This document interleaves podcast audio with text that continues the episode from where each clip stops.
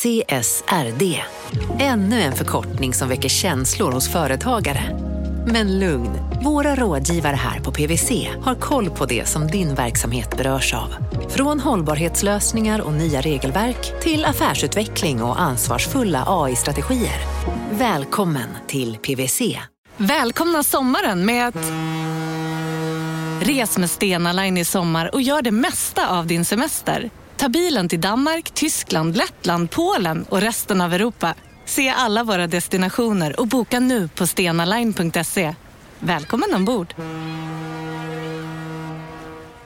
Om en så vidde på väg till dig för att du råkar ljuga från kollega om att du också hade en och innan du visste ordet av du hem kollegan på middag och... Då finns det flera smarta sätt att beställa hem din sous på. Som till våra paketboxar till exempel. Hälsningar Postnord. Från Monopol Media, det här är Kapitalet. Jag heter Gunnar Harjus. Och jag heter Åsa Secker. Vi funderar lite på hur vi ska liksom kunna förhålla oss till det här med tid och vad vi, vad vi heter, alltså hur man, hur man pratar liksom utan att avslöja för mycket. Det här är Maria som egentligen inte heter Maria utan någonting annat. Mycket mystiskt. Mm, eh, och det är mystiskt för det här handlar om ett forskningsprojekt där mycket är eh, sekretessbelagt. Och anledningen till att det är sekretessbelagt är att det här är ett projekt som handlar om medicin. Då är ju mycket ofta så mm. maskat. Så det, Har vi kommit till Vetenskapsradion? Nästan Vetenskapsradion. Men det är också Ekonomiradion vet du, för att det här handlar faktiskt också om ekonomi. Jag lovar. Men för Maria så börjar det här långt innan det finns något projekt om ekonomi eller medicin att tala om överhuvudtaget. Hon var eh, 29 år och hon förstod att någonting var fel. Och det var att jag fick eh, väldigt, väldigt ont i magen och fick åka in akut till sjukhuset. Och så blev jag hemskickad med Voltaren att eh, det är troligtvis njursten. Och så vart jag hemskickad. Och samma dag när jag kom hem så fyllde min son fem år så vi hade ett litet kalas. Efter kalaset där så fick vi åka in till sjukhuset igen för jag, jag mådde så dåligt. Maria får ligga inne i nio dagar för att få utrett vad det är som pågår. Och då visade det sig att jag hade en eh, ärftlig njursjukdom som heter polycystiska njurar. Jag är visserligen läkardotter, men ja. den här termen har jag inte koll på. Jag misstänker att det är något som kanske inte är bra, men vad betyder det? Ja, det betyder att eh, det växer cyster på njurarna och till slut så blir cysterna så pass stora och de trycker mot andra cyster och andra organ så de spricker och går sönder. Och successivt så kommer den här sjukdomen göra att njurarna slutar fungera helt om man inte gör någonting.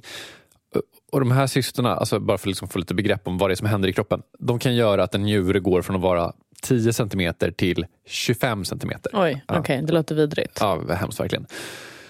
Men det som är liksom, alltså positivt kanske är fel ord, men liksom en, en förmildrande omständighet med, med den här sjukdomen, det är att det kan ta väldigt lång tid innan man blir allvarligt sjuk. Alltså Maria säger att det kunde vara så att hon blir allvarligt sjuk först när hon är 80. Och då kan man liksom leva ett fullgott liv trots den här sjukdomen.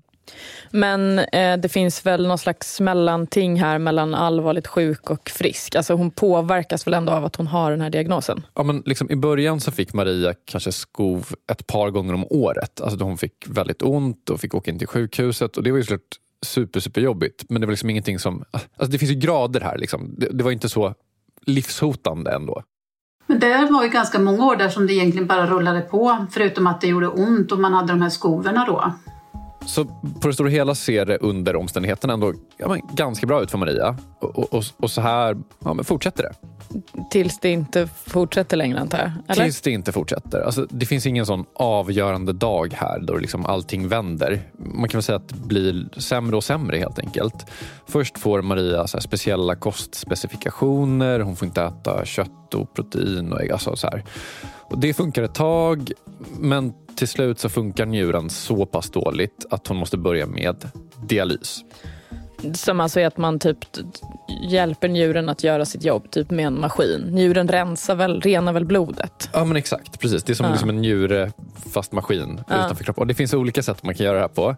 Maria valde att göra det på sjukhuset. Njurarna mådde så dåligt så att jag behövde hjälp att rena kroppen kan man säga från alla gifter. För njurarna rensar ju kroppen från gifter och den, det klarade de inte av till slut. Och alltså dialys, fantastisk behandling. Otroligt att den finns. Maria är väldigt noggrann med att understryka hur fruktansvärt tacksam hon är för att hon fått den här hjälpen. Men man ska inte sticka under stol med att dialys är en sjukt jobbig behandling. Alltså, Maria är på sjukhuset tre gånger i veckan och det är tufft. För man säger ju att varje dialystillfälle är som att göra ett maraton varje dag. Och jag, går du då i dialys tre, fyra gånger i veckan så gör du tre till fyra maraton i veckan. Och då förstår ju de flesta att man behöver ha bra fysik för att klara det det här kanske bara är jag, för jag sportar inte så mycket, men att springa tre maraton i veckan låter ju inte som en så, så långsiktig lösning på det här problemet. Du menar att du inte springer tre maraton i veckan? Inte varje vecka i alla fall. Inte varje vecka. Nej. Nej men så är det såklart. Och Maria berättat att liksom vid varje tillfälle som hon har gjort det här så är hon liksom helt sänkt för resten av dagen.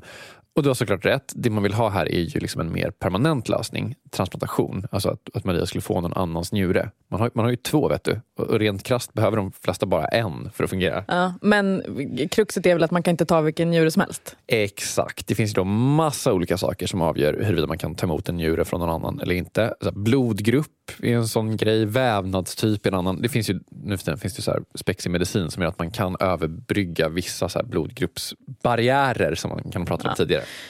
Eh, det där lämnar vi åt dem som håller på med medicin. Ja. ja.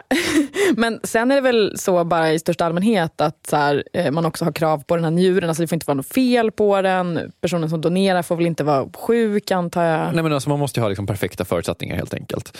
Eh, Maria har eh, tur så tillvida att hon har personer i sitt liv som erbjuder sig att donera en njure. Alltså vilken jävla gåva ändå. Ja. Uh, jo, vilket också så Eh, bevis på att man är en människa som folk gillar. Ja, man har gjort något rätt i livet. Ja, helt otroligt. Ja. Den första personen som man tittar på, som man liksom gör en utredning för att se huruvida hon kan donera, det är Marias mamma. Eh, och man testade henne och det tog ett halvår. Hon fick genomgå alla undersökningar. Hon fick godkänt på vårt eh, hemsjukhus. Alla papperna skickades till eh, det sjukhuset där vi skulle utföra transplantationen. Ett stort hopp tänds. Men då fick vi nej därifrån på grund av att de hade upptäckt att min mamma hade en förkalkning i ett kärl till en av sina egna njurar. Så det, ja, det går inte helt enkelt. Fy fan vad tungt. Ja, supertungt. Och Maria berättade att det också tog väldigt hårt på, på Marias mamma. Alltså, alltså inte kunna hjälpa sitt barn fast man Alltså fy fan. Ja. ja. Det finns en person till eh, som kanske kan donera en njure. Marias man, Erik, som också heter något annat ska sägas. Eh, han får göra massa tester och än en gång så ser det lovande ut. Och eh, vi fick tyvärr nej där också på grund av att då visade det sig att jag hade för mycket antikroppar mot Eriks eh, njure så att jag kunde inte ta emot den. Och nu är det ju liksom riktigt jobbigt det här. Alltså, jag tror jag inte kan nog understryka hur påfrestande det är med dialys. Alltså, men det är också bara att hon har den här sjukdomen. Alltså hon är väldigt trött hela tiden. Hon kan inte göra saker som hon vill. Hon kan inte göra massa roliga saker. Hon kan inte göra hushållsarbete. Hon har liksom varit tvungen att göra dialys på julafton, på midsommarafton. Alltså så här, hon är ju sjuk. Man kan också föreställa sig att så här, förutom det fysiska så blir det ju psykiskt tärande. Att vara, alltså om jag är trött i en dag så är jag liksom ett monster. Ja, ja. men såklart. Eh, när vi fick beskedet att Erik inte kunde i helgen var vi också tillsammans väldigt besvikna och ledsna såklart. För det var ju som att mattan rycks undan en på något sätt. Man tror att man ska springa in på mållinjen och sen så rycker någon undan mattan och så faller man längst bak i, i ledet igen. Maria står också på den allmänna donationslistan som är en lista, alltså, ja, det låter som, om någon liksom dör eller ja, sådär, ja, har möjlighet att donera en njure så finns den listan och, och man försöker liksom hitta någon som det skulle funka för då. Mm, det är en jättebra idé. Det är en jättebra idé mm. som räddat väldigt många liv. Men det är också en process som kan ta väldigt lång tid och det finns liksom det finns ju krasst sett liksom inga garantier här. Alltså väntan kan bli väldigt lång. Det dör en person i veckan i väntan på ett nytt organ i Sverige. Jävlar. Ja, det, är sjukt. det är mycket mer än vad jag trodde. Ja. Och det här är ju också faktiskt någonstans ur definitionen av ekonomi. Alltså det är så här, hushållning och fördelning av begränsade resurser. I det här fallet den extremt begränsade resursen organ. Människor behöver organ. Det finns inte tillräckligt många organ. Nu kastas jag tillbaka till samhällslektionerna i gymnasiet ja. där man fick lära sig den definitionen av ekonomi. Ja. Nu är vi liksom back to basics. Verkligen. Ett extremt svårt problem att lösa. Ja, men tänk om det ändå skulle kunna finnas en lösning. En lösning som kombinerar komplicerade matematiska och ekonomiska koncept med en praktik som räddar liv. Efter det här.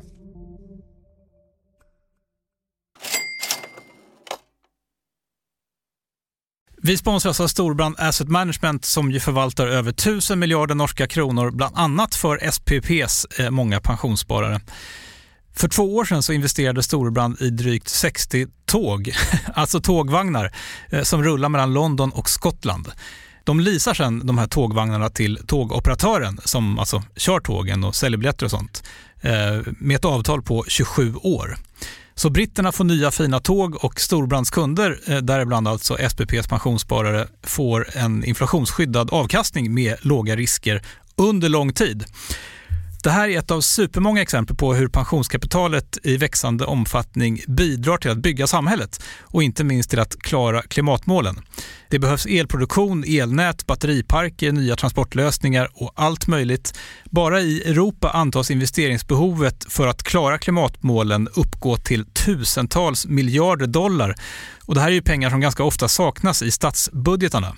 Däremot är det här pengar som pensionsbolagen kan vara med eh, och stoppa in, vilket ger pensionsspararna en fin avkastning under lång tid samtidigt som man är med och ställer om samhället. Vi har gjort ett helt avsnitt om det här eh, som man kan lyssna på. Det publiceras här i Kapitalet i mitten av maj. Ratta gärna in det om ni vill lära er mer om hur det här funkar. Men tack säger vi till Storbrand Asset Management som ju investerar i alla tänkbara tillgångslag, bland annat för pensionsbolaget SPP. Och tillsammans försöker ju vi, Storbrand och SPP, öka medvetenheten om hur pensionerna funkar och vilken roll pensionerna spelar i samhället och i ekonomin.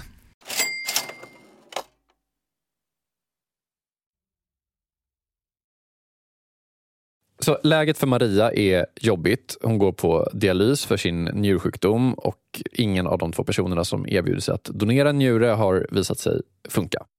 Och så står hon på den här eh, listan då för att kanske få en transplantation.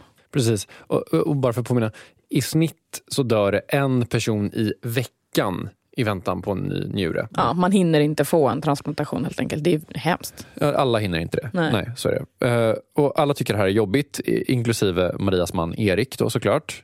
Men så dök ju möjligheten med STEP-programmet upp. STEP-programmet? Jag misstänker att det inte är en dansfilm från 90-talet, eller? Du tycker att det låter, Step låter som en... Det, det är typ en dansfilm från 90-talet. Men inte i det här sammanhanget. Inte i det här sammanhanget. Nej. Nej. precis. Och ska man fatta vad Step är i det här sammanhanget eh, så måste man faktiskt prata med Tommy Andersson. Ja, då gör jag alltså ja, radiogrejen då.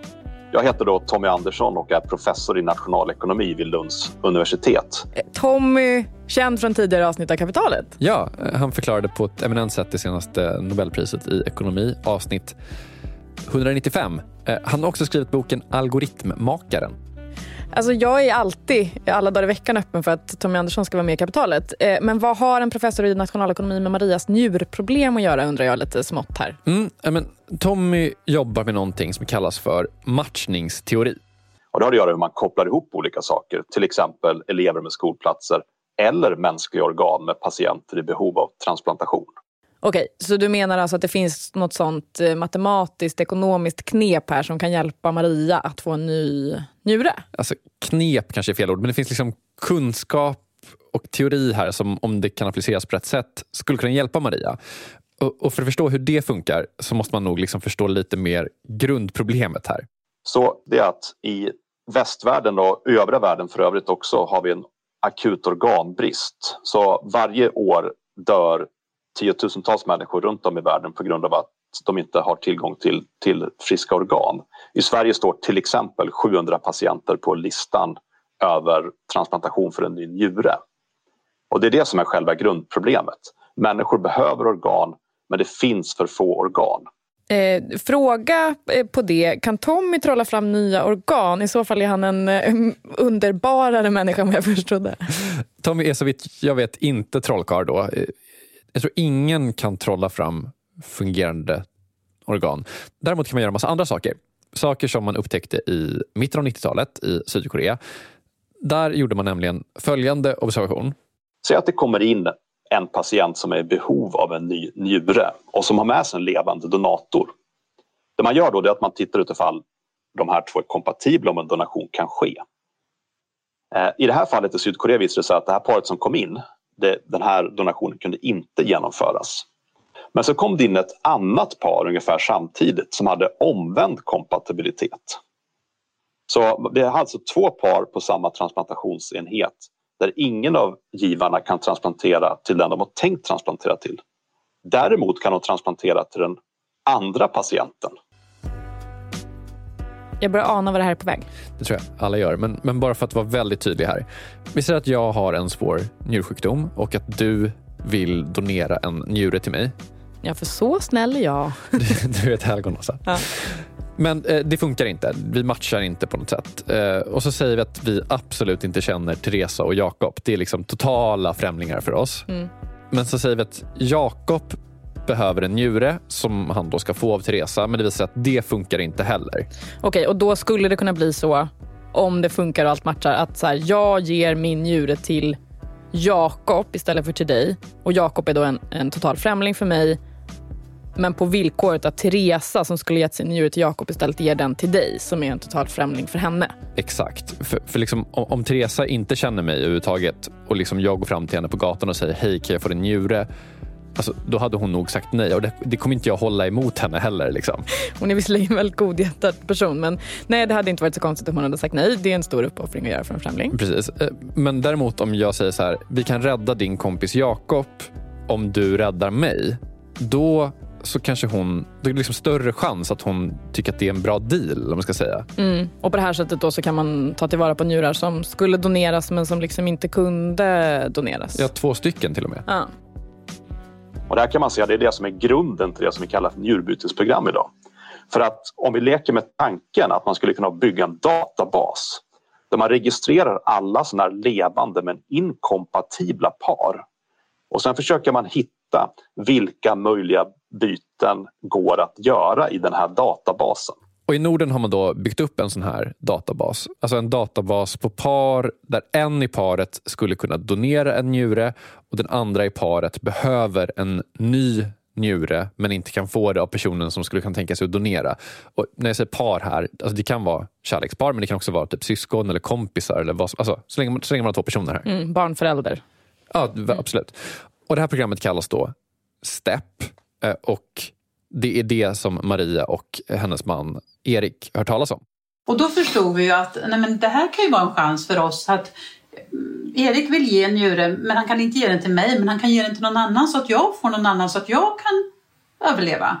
Eh, så STEP-programmet är då den här databasen där man kan matcha ihop olika eh, par med varandra? Precis. Det är liksom en databas där man registrerar sig och liksom för in massa, massa, massa, massa medicinska data. Alltså typ, ja, allt från blodgrupp till... Alltså jag kan ingenting om medicin. Nej, men, men vi ska inte låtsas att vi kan medicin nej, heller. Vi nej, går exakt. vidare. Ja, precis. Mm. Men massa medicinska data åker in i den här databasen och sen försöker databasen då genom en sån snitsig algoritm hitta såna här matchningar som i exemplet då där du ger en, en njure till Jakob i utbyte mot att Teresa ger en njure till mig. Och så det här låter ju ganska enkelt när man typ tar det här exemplet. Eller typ om man skulle ha tre eller fyra par så skulle kanske du och jag, typ, eller ja, en läkare i alla fall, kunna liksom matcha ihop med papper och penna mm. liksom för att få det här att, att funka. Men liksom i verkligheten när det är fler än tre eller fyra par... Så är det sanslöst svårt misstänker jag.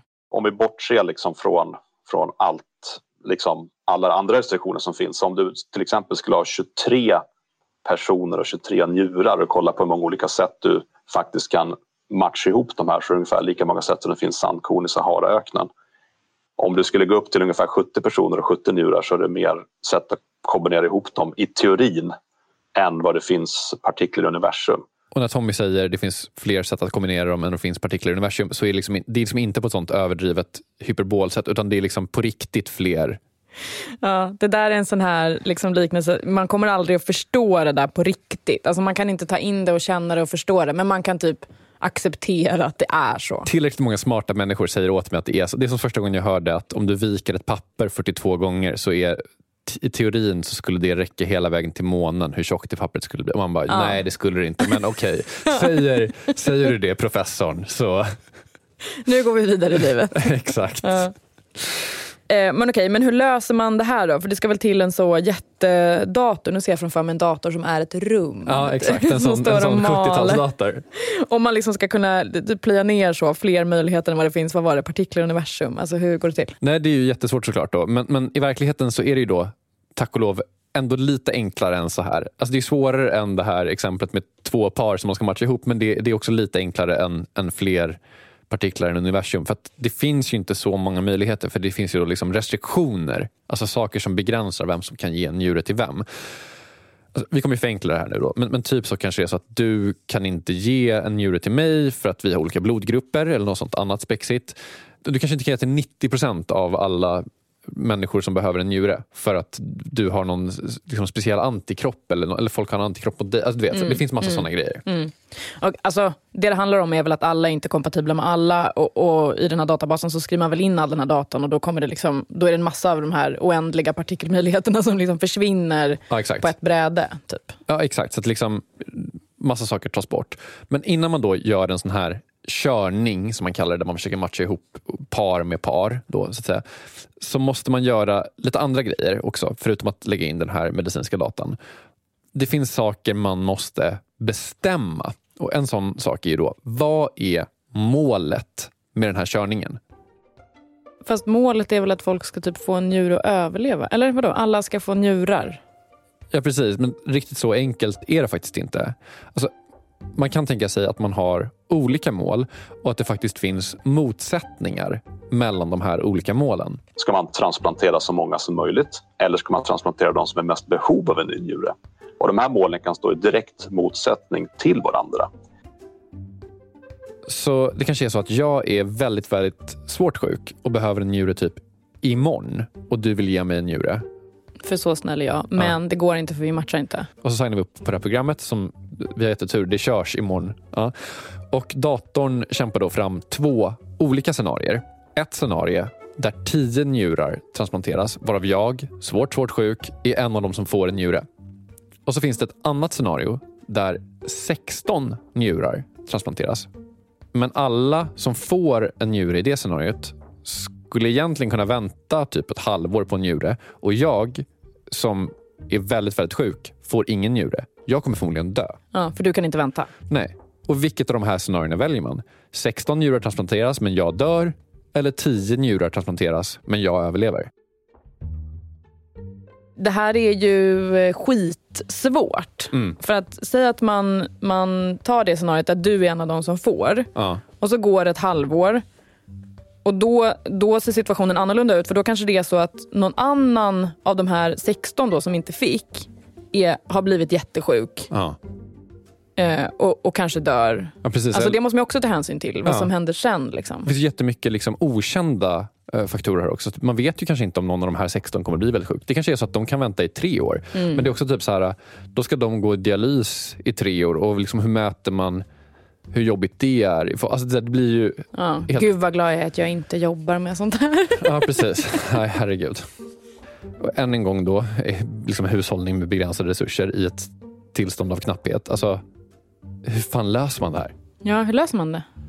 Ja, alltså det man gör är väl att man får prata med de som förmodas ha bäst koll på det här. Det vill säga massa läkare, liksom immunologer, andra människor som jobbar med transplantationer. Och när man väl listat ut vad de vill så måste man översätta det här i matematiska målfunktioner. Och Det man landar i, i det nordiska transplantationsprogrammet, det är att man ska ha liksom som en, en prioritetslista. Prio ett har man bestämt är att det ska göras så många transplantationer som möjligt. Så om datorn tar fram två olika utfall, där ett ger 10 transplantationer och ett ger 9, då tar man det utfallet som ger 10 transplantationer varje gång. Oavsett om det finns typ en patient i, i nian som är väldigt svårt sjuk eller sådär. Det är liksom prio ett. Och sen prio två, då liksom, om det finns flera utfall som ger lika många transplantationer, alltså det finns två stycken utfall som ger tio transplantationer, då finns det liksom en prio som kickar in som handlar om brådska eller hur svårt sjuk man är, alltså behov typ. Men också eh, så här, kan man göra en transplantation utan så här, blodgruppsmedicin, det är mycket lättare, sådana saker. Och Det faller då på Tommy att göra en algoritm som liksom kan omsätta alla de här sakerna. Det här etiska dilemmat, men också liksom de praktiska svårigheterna. Allt det ska Tommy omsätta i praktiken då? Inte alls avundsjuk på den uppgiften. Lycka till Tommy. Men fråga, är det så att så alla transplantationer är så här, par A och par B byter med varandra? Eller kan det vara så att typ par A ger en njure till par B som ger en njure till par C som ger till par D? Du fattar? Alltså, kan det vara som ett sånt lägenhetsbyte kedja, liksom. där det liksom är en kedja? Alltså det mesta man gör i Norden är tre byten. Så par A ger till par B som ger till par C som ger till par A. För sen blir det typ för svårt rent tekniskt. Alltså så här, det finns inte jättemånga sjukhus som kan göra... Alltså, det, liksom, du måste få ihop olika läkarteam. För, så här, du måste göra de här operationerna exakt samtidigt. Alltså, du måste typ prata i telefon med varandra samtidigt som du tar fram skalpellen. Alltså på riktigt. För det är så här, typ, om du öppnar och så ser du att någonting är fel som du inte har sett tidigare, då måste du avbryta båda Mm. de här. Mm. Då kan man inte öppna upp någon annan som typ väntar på att ta emot den här njuren som man då inte kan plocka ut. Nej, exakt. Och sen Mm. så kanske det är så att någon drar sig ur i sista sekunden. Alltså Det finns så, ett fantastiskt avsnitt av Anatomy just det här. ja, det, det kan jag tänka mig. Där är det sex olika transplantationer som ska genomföras parallellt. Och sen så finns det såklart massa andra saker som inte jag fattar för att jag inte är, läkare eller matematiker som, som gör det här svårare. Men, så tre byten gör man. Men det här är liksom grejen. Man har kommit på ett sätt som gör att du som vill donera en njure men inte kan göra det till mig som du vill donera till ändå kan donera en njure till en person och samtidigt som jag får en njure. Smart. Ja, Och det här är alltså det program som Maria och hennes man går med i, STEP-programmet. precis. Hur det gick efter det här.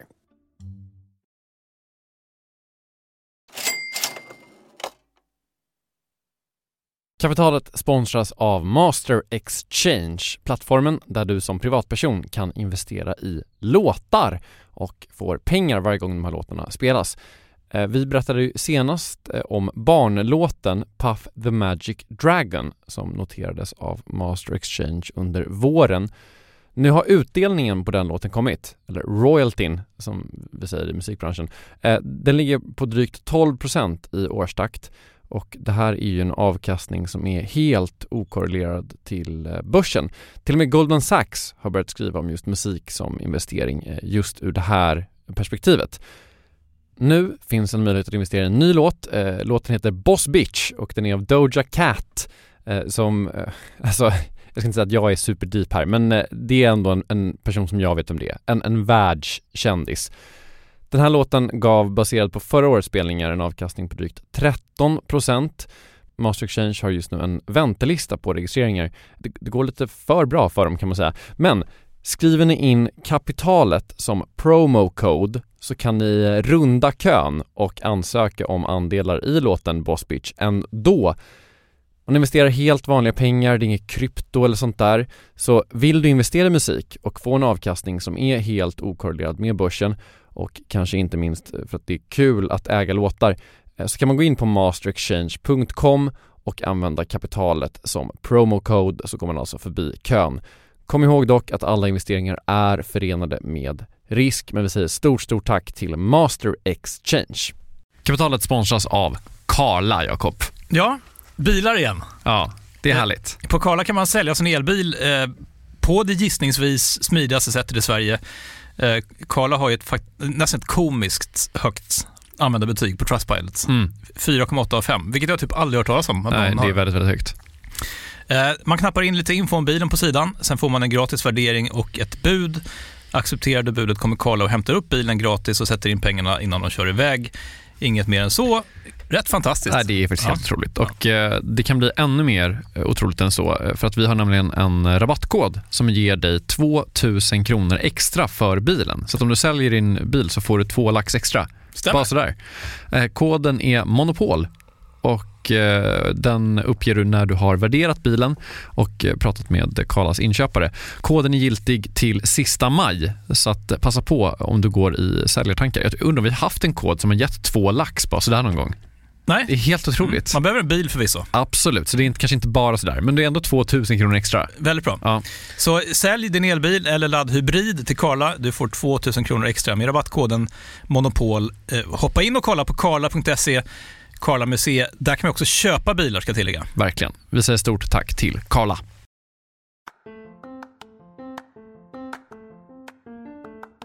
Eh, Så Maria och Erik har signat upp på STEP-programmet eh, som alltså är ett program där en algoritm ska liksom, jobba fram olika matchningar så att så många my- människor som möjligt får eh, njure. Exakt.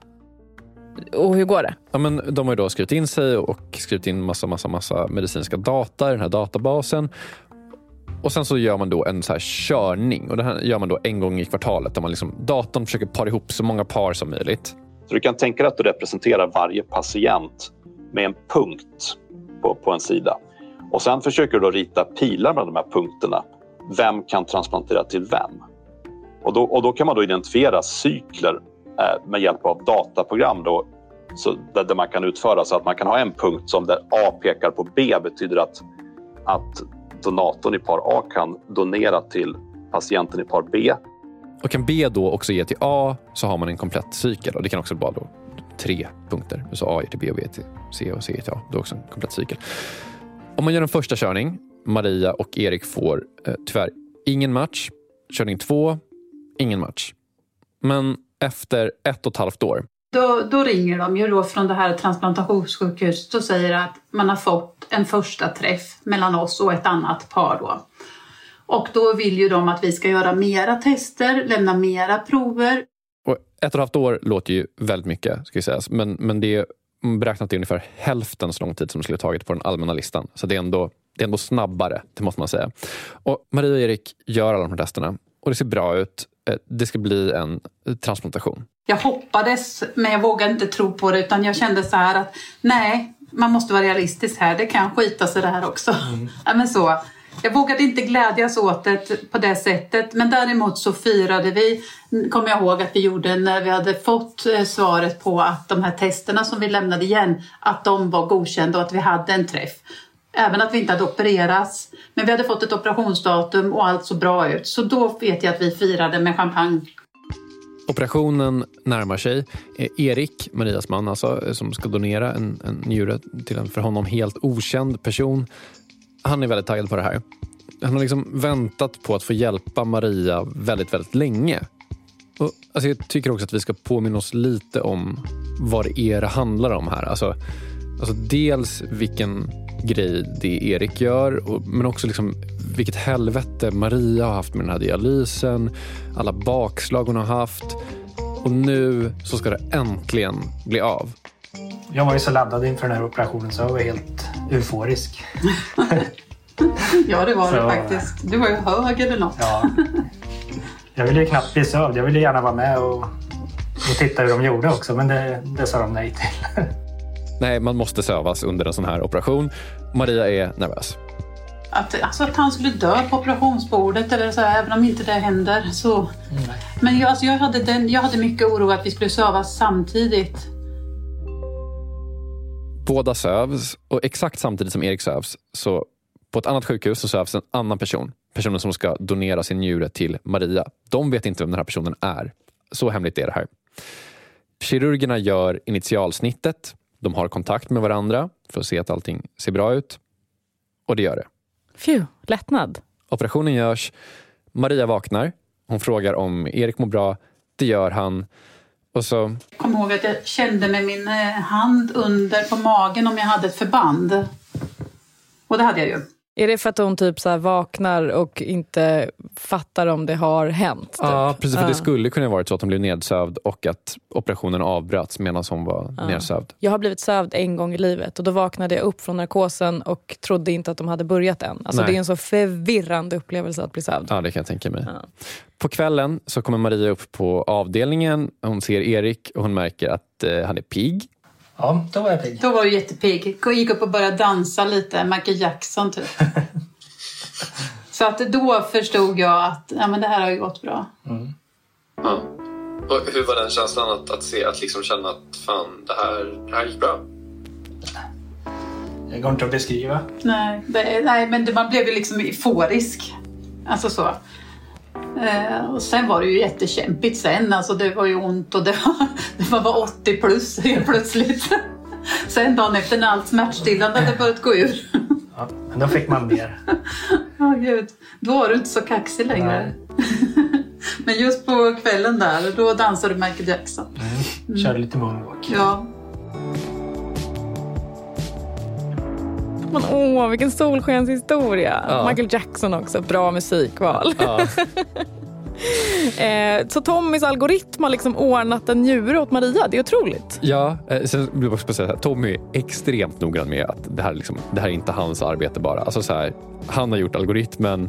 Men eh, allt det här andra arbetet kring logistiken, kring att bestämma olika patientinformationsbroschyrer till att göra själva transplantationerna, till att göra mätningar av antikroppar. Eh, allt det här är såklart andra människor som har gjort. Så det här är egentligen ett extremt bra exempel på ett bra teamwork. Idag görs ungefär 10 procent av alla njurtransplantationer där levande personer är donatorer, alltså personer som kommer fortsätta leva även efter donationen, alltså genom det här STEP-programmet. På sikt tror man att ungefär 15 procent av alla donationer med levande donatorer kommer ske på grund av det här programmet. Alltså donationer som inte skulle skett eh, om det inte vore för det här. Det är otroligt. Det är faktiskt otroligt. Och just att det här är, alltså det är levande givare, le- levande donator, det är också väldigt bra. För att en njure från en levande donator håller också mycket längre än, en, en, än liksom någon som kommer från någon som är är svårt sjuk, eller alltså någon som är död. Så på sikt kommer det här såklart att rädda hundratals liv i de skandinaviska länderna.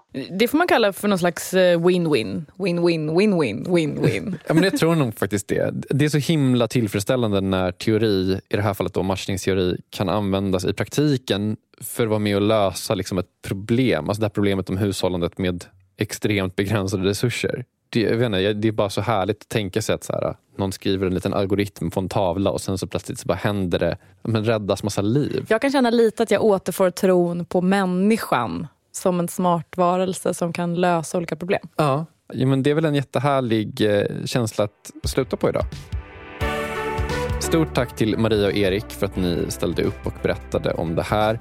Tommy Anderssons bok Algoritmmakaren, konsten att fatta systematiska beslut finns på alla bra ställen där böcker finns. Den innehåller massa, massa fler eh, fascinerande saker om det här programmet, men också andra problem man kan lösa med hjälp av algoritmer. Till exempel har han löst det här med skolvalet. Ja men gud vad skönt. Det är, det, så det är löst också. Ja. Verkligen. Jag heter Gunnar Harjus, du heter Åsa Secker. Kristoffer Krook har mixat det här programmet. Eh, Med kapitalet jobbar också Teresa Kristoffersson och Jakob Bursell. Tips? Vi har ett tips innan vi slutar. Eh, eh poddtipset.se Ja. har uppstått ur intet. Nej, men vi på Monopol Media sammanställer varje månad en lista med eh, tips på poddar som vi tycker att man kan lyssna på om man vill ha något bra att lyssna på. Ja, förutom att göra poddar så skulle jag säga att du och jag typ lyssnar på näst flest poddar i världen. Eller någonting. Ja, det skulle man nog kunna säga. Eh, och den här listan kan man följa på Spotify. Den heter Monopol Medias poddtips. Men om man så tänker jag kommer glömma att gå in där och kolla att det är uppdaterats och hitan och ditan. Då går man in på poddtipset.se så fyller man i sin mailadress och då får man ett litet mail en gång i månaden så här Kaching! Här har du lite poddtips och så berättar vi om de här poddarna, varför vi har valt dem till listan den månaden. Ja, ni hör ju. Ja. Det är en underbar tjänst. Så härligt. Kapitalet är tillbaka igen om en vecka. Hej då!